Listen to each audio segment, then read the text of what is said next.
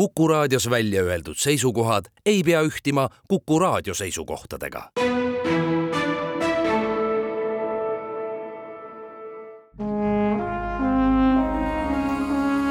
Vanemuise veerand. tere kõigile, kes meid kuulavad. Vanemuise veerand alustab uut hooaega täpselt nii, nagu teatrid alustavad oma uut hooaega. Vanemuise teatri jaoks on see saja viiekümne neljas hooaeg. selle hooaja väikeseks vürtsiks on see, et Vanemuisel on uus juht. tere, Aivar Mäe! tervist! mina olen saatejuht Tiia Rööp. kui me eelmist Vanemuise hooaega, Vanemuise veerand viimases saates kokku võtsime Kristiina Alliksaarega, siis me, meil oli plaanis rääkida sellest, millised uued lavastused tulevad sellel aastal, sellel hooajal. aga saateaeg sai paraku otsa ja siis me võtsime vastu otsuse, et tuleb uus juht, tema räägib. ma ei tihkaks kuidagi uut juhti, kes on ametis alates viieteistkümnendast augustist, nii värskelt, panna sellisesse olukorda, et lahkelt naeratades paluda tal tutvustada kolmeteist uut lavastust, mis Vanemuisel sellel hooajal välja tuleb. ma pööraks selle küsimuse pigem sedapidi, et Vanemuise teater ei ole sinu jaoks üks paljudest Eesti teatritest. sa oled seda teatrit juhtinud ja juhtinud aegadel, mis leebelt öeldes olid keerulised kui palju sul on viimastel aastatel olnud aega ja võimalust jälgida, mis Vanemuises toimub? sissejuhatus oli põhjalik. lühike vastus sellele küsimusele on nii, et ähm, kaks tuhat kolm kuni kaks tuhat kuus, kui ma olin Vanemuise teatris, oli tõesti väga keeruline aeg, mida on raske isegi kirjeldada. ja ma kasvasin nagu Vanemuisega niivõrd tugevalt kokku, et kõik need ülejäänud seitseteist aastat ma nimetan Vanemuist oma kasulapseks ja ma olen kogu aeg jälginud oma kasulapse tegevust ja olen nendega nii mures kui rõõmus kaasas olnud. kui sa võrdled seda teatrit, mis ta on praegu, sellega, mis Vanemuine oli kakskümmend aastat tagasi, millised erinevused sa välja tooksid? noh, praegu on vara öelda, et ma tegelikult olen majas olnud neli päeva alles kuigi selle jooksul on juba üht-teist ära tehtud, aga selle paarikümne aasta jooksul on ju ühiskond on nii palju muutunud, et vaatame, mis on teisiti, kui oli aastal kaks tuhat kuus. et see on täiesti teine Eesti ja täiesti teine ühiskond, meie, meie väärtushinnangud on muutunud. aga ma vist kuskil ajakirjanduses ütlesin, et eh, kui ma läksin sisse teatrisse ma just mõtlesin enda jaoks läbi, et, et fikseerida see tunne, kui ma nüüd pärast kahtekümmet aastat sinna sisenen. ja see oli ääretult mõnus tunne ja see oli sama soe tunne, kui ma läksin sinna sisse kahe tuhande kolmandal aastal. Neid inimesi, kes on tollest ajast tööl, on meeletult palju. sest teater on selline üksus, kui sa oled korra juba nakatunud teatripisikust, siis sa sellest enam lahti ei saa. see maja on täis nelisada naeratavat inimest, kes kõik on oma ala profid ja tahavad oma tööd teha ülihästi. Nende jaoks on Vanemuise nimi ülitähtis. ja iga juht, kes tuleb Vanemuise teatrisse, peaks olema üliõnnelik, sest sellist mõnusat organisatsiooni sa ei leia mitte kuskilt. juhil reeglina on eesmärgid, mida ta tahab täita milliste eesmärkidega sa alustad seda hooaega Vanemuises? ja, ja selleks juhid olnudki ja kindlasti ka mul on omad eesmärgid. aga kõigepealt juht peab ka enda jaoks selgeks tegema, mis seisus me täna oleme, riigis tervikuna, maailmas tervikuna, Tartus tervikuna ja siis teatris tervikuna. sellest ka tulevad äh, nii-öelda lähteülesanded. aga kui meie saateaeg on lühike, et pikalt sellest rääkida, aga kui lühidalt öelda, siis äh, ma arvan, et tänases tuuletõmbeühiskonnas, äh, sellises eklektikas oleks võib-olla kõige, kõige parem see, et me säilitaksime oma stabiilsuse, oma näo. Ja kui meil on nelisada õnnelikku inimest, siis me teeme head teatrit. Ja see ongi juhi kohus.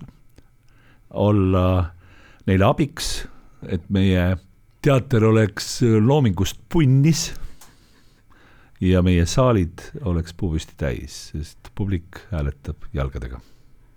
sind kui juhti on iseloomustatud kui omajagu hulljulget ja riskialdist. kas sul on plaanis ka midagi hulljulget ja riskialdist Vanemuisega ette võtta? muidugi, miks ma siis siia tulin. aga ma ei saa kõike öelda, kõike öelda, et äh, ma tahan midagi ära teha. praegu ju hetkel ka see saja viiekümne neljas hooaeg on ju Kristiina poolt kokku pandud hooaeg koos äh, kunstilise meeskonnaga. nii et täna mul on vaja see lihtsalt ellu viia, aga aktiivselt äh, alustasime tegevust juba järgmise hooajaga ja plaanid on pikemad, et ütleme, pikk plaan näeb ette kahte aastat kuni nelja aastat. eriti see puudutab muusikateatrit, kui me tahame saada häid soliste ja häid lavastajaid. Täna on Vanemuisesse kokku juhtunud kolm väga ägedat kunstilist juhti Mare Toomikas, Tiit Palu ja Risto Joost. ja sellest sünergiast nagu sünnib meeletult palju, nad ei ole sellised äh, suurte egodega inimesed, kes tarivad tekki enda poole, vaid nad mõtlevad koos. ja ma näen nagu Vanemuises ülisuurt tulevikku just äh, kunstilises mõttes. aga ideid on, ideid on palju, neid ma praegu ei ütle no mis juhtuma olen, kui ma tulen, neli päeva olen tööl ja nüüd ma kohe ütlen, mis saama hakkab et äh, see võtab natuke aega, mõtteid on, kõigepealt ma edastan mõtted meeskonnale, siis nõukogule ja siis Kuku raadiole. aitäh selle lubaduse eest, meie oleme esimesed, kes neist avalikult rääkima hakkavad. sa nimetasid äh, Vanemuise kolme loomingulist juhti ja oleme ausad, kui Vanemuisest räägitakse, siis tõstetakse tema tugevuse ja erilisusena üles just nimelt seda, et ta on kolme žanri teater. ja reeglina räägitakse sellest kui millestki väga erilisest, millestki väga heast. ja ikka juhtub, et aeg-ajalt tuleb keegi ja tema sõnavõtt on selline nagu jäine tuulepuhang ja ta esitab küsimuse, et kas seda on vaja. ei ole tarvis, jätame ära muusikaosakonna või milleks balletti Vanemuise teatris. Ikka kuuleb selliseid sõnavõtte, mis on sinu arvamus? jaa, aga me peame kõigepealt mõtlema, et kust need sõnavõtjad ja kust need sõnavõtud siis tulevad. Need tulevad Tallinna poolt ja kuna ma töötasin just äh, äsja natuke aega tagasi kohalikus omavalitsuses, siis äh, tundub, et need mõtteterad, kõik, mis sealt tulevad, piirduvad nii-öelda Tallinna kuldse ringiga. aga meil elab veel inimesi väljaspool Tallinnat ja mitte vähe. Ma enda mõttes kutsun nagu Lõuna-Eestit selliseks äh, lõunaosariigiks ja naljakas küll, aga meie inimesed vajavad teatrit, vajavad sõnateatrit, muusikateatrit ja balletti. sest ka nendel on üks elu ja nad tahavad seda kõike nautida. ja kui Tallinn arvab, et kõik peavad sõitma Tallinna, siis on see täiesti vale arusaam. me tahame, et meil oleks lennujaam, võib-olla natuke palju on tahta, et meil oleks oma laevandus ja me sõidaks siit laevaga otse Rootsi, aga miski ei keela meile suurelt mõelda. Meie vestluse alguses ütlesin, et Vanemuisel tuleb sel hooajal välja kolmteist uuslavastust, nendest seitse on draamalavastused, neli on muusika- ja balletilavastused ja kaks on lastele mõeldud. Need lavastused olid ette valmistatud, osad olid juba proovisaalis eelmise hooaja lõpus. Ja ma pean siinkohal ütlema, et on imetlusväärne, mismoodi osatakse Vanemuises klapitada mängukava, nii et kõik etendused saavad toimuda, kõik inimesed on laval, kes peavad selles lavastuses laval olema kui me juba rääkisime sellistest ähm, kuidas nüüd öelda, kuulujuttudest või selja taga sahistamistest, siis mõnikord räägitakse seda ka, et teater peaks väga teravalt reageerima sellele, mis just praegu ühiskonnas toimub. kui Vanemuise-sugune teater planeerib pikalt oma uuslavastused ette, siis see ei ole võimalik. kas aktuaalsetele probleemidele tähelepanu juhtimine on väikeste teatrite teema ja, ja suured teatrid, nagu suured laevad, sõidavad rahulikult merel? no esiteks ma ei arva, et kõik teatrid peavad olema päevakajalised ja päevapoliitilised, neid teatreid on ka ja meil on hästi palju ju projektiteatreid, kes tõesti suudavad reageerida igale päevakajalisele sündmusele. Vanemuise teatri puhul jah, nagu, nagu sa ütlesid, me oleme kolme žanri teater ja see planeering on üsna keeruline, seda teevad äh, mitmed inimesed. Ja täna ei ole olemas isegi arvutiprogrammi, mis suudaks seda teha sest inimestel on hästi palju tegemisi ja nende tegevused muutuvad kogu aeg, siis astuvad vahele veel ennenägematud olud, haigused, lumetorm, lennukite ärajäämine, nii et see on meeletu keemia, mis siit kokku nagu keedetakse, aga kõik hooajad on toimunud ja etendused toimuvad ja see ongi teatri mõlu ja maagia. kell seitse avaneb eesriie, näitlejad on laval, puhanud, rõõmsad ja annavad oma sõnumit publikule.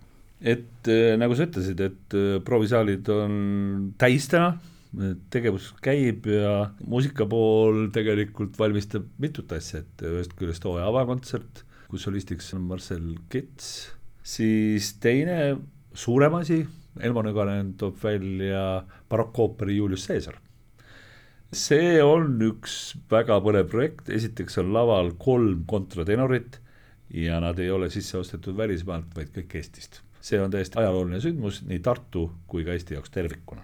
Elmo Nüganen katsetas teatavasti Don Giovanniga ja see oli täiesti uus leid meie ooperilavastuste maailmas ja ma arvan, et äh, ka Julius Caesari puhul Elmo leiab midagi mida me barokkooperi puhul võib-olla kunagi ei oleks oletanud, et see sinna tuleb ja et ta selline tuleb. nii et ootused ja lootused on väga kõrgel, täna on solistidel tegelikult kõik juba selge, ka partiid selged. mis puudutab draamatruppi, siis nende pähkel on, mis selle pähkli kohta öeldakse, nende pähkel on kõvem, suurem, sissejuhatushooaeg draamatrupil on märksa keerulisem, Leopoldstadt mille lavastab meie draamajuht Tiit Palu.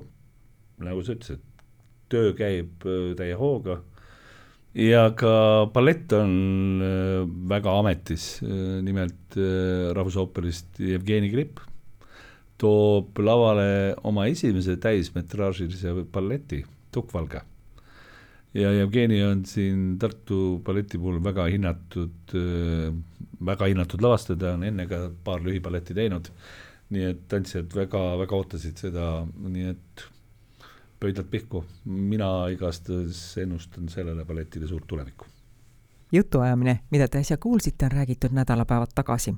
saatejuht Tiia Rööp tänab külalist, aitäh, Aivar Mäe, aitäh kõigile raadiokuulajatele järgmisel nädalal on saates külas Vanemuise muusikajuht ja peadirigent Risto Joost. jälle kuulmiseni! Vanemuise veerand